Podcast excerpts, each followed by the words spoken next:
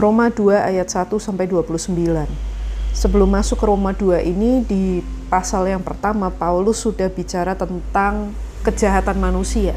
Bagaimana manusia itu berada di bawah murka Allah dan mereka melakukan berbagai-bagai kecemaran, berbagai kejahatan, berbagai hal yang uh, membuat mereka menjadi najis gitu ya.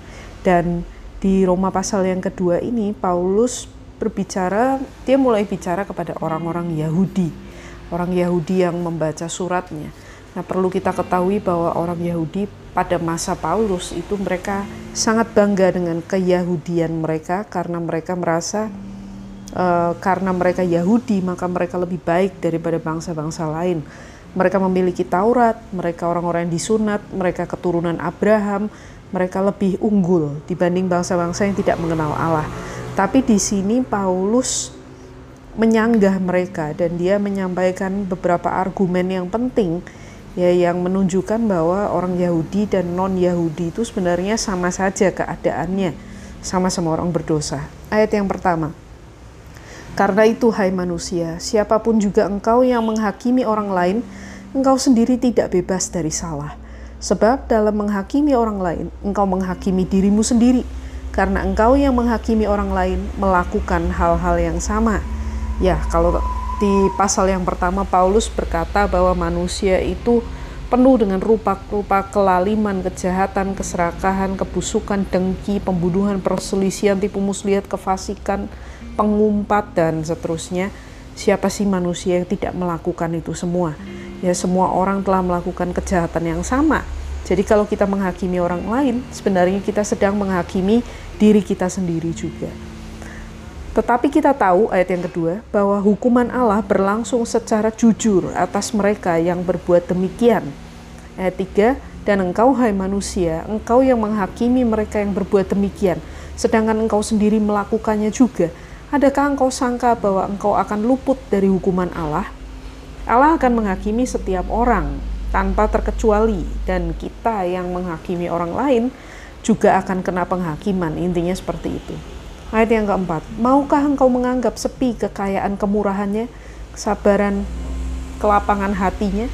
Tidakkah engkau tahu bahwa maksud kemurahan Allah ialah menuntun engkau kepada pertobatan? Ayat 5, tetapi oleh kekerasan hatimu yang tidak mau bertobat, engkau menimbun murka Allah atas dirimu sendiri pada hari waktu mana murka dan hukuman Allah yang adil akan dinyatakan. Ayat 6, ia akan membalas setiap orang menurut perbuatannya. Ayat 7, yaitu hidup kekal kepada mereka yang dengan tekun berbuat baik, mencari kemuliaan, kehormatan, dan ketidakbinasaan. 8. Tetapi murka dan geram kepada mereka yang mencari kepentingan sendiri, yang tidak taat pada kebenaran, melainkan taat kepada kelaliman. Paulus berkata bahwa Allah itu bersabar karena dia menghendaki supaya semua manusia bertobat dan diselamatkan. Tetapi manusia tidak mau bertobat, malah bersikeras gitu di dalam kejahatannya. Dan sebagai akibatnya kita menimbun murka Allah atas diri kita sendiri. Dan pada satu hari nanti, hari penghakiman, maka murka Allah itu akan dinyatakan. Dan setiap orang akan mendapat balasan dari apa yang dia lakukan. Orang-orang yang mencari kebenaran, hidup kekal, mereka um, mencari kebenaran, kemuliaan, ketidakbinasaan, mereka mendapat hidup kekal Sedangkan orang yang mencari kepentingan sendiri itu mereka mendapatkan murka dan geram.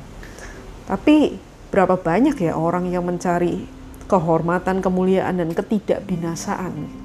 Jarang sekali karena biasanya manusia sibuk dengan kehidupan yang di dunia ini saja.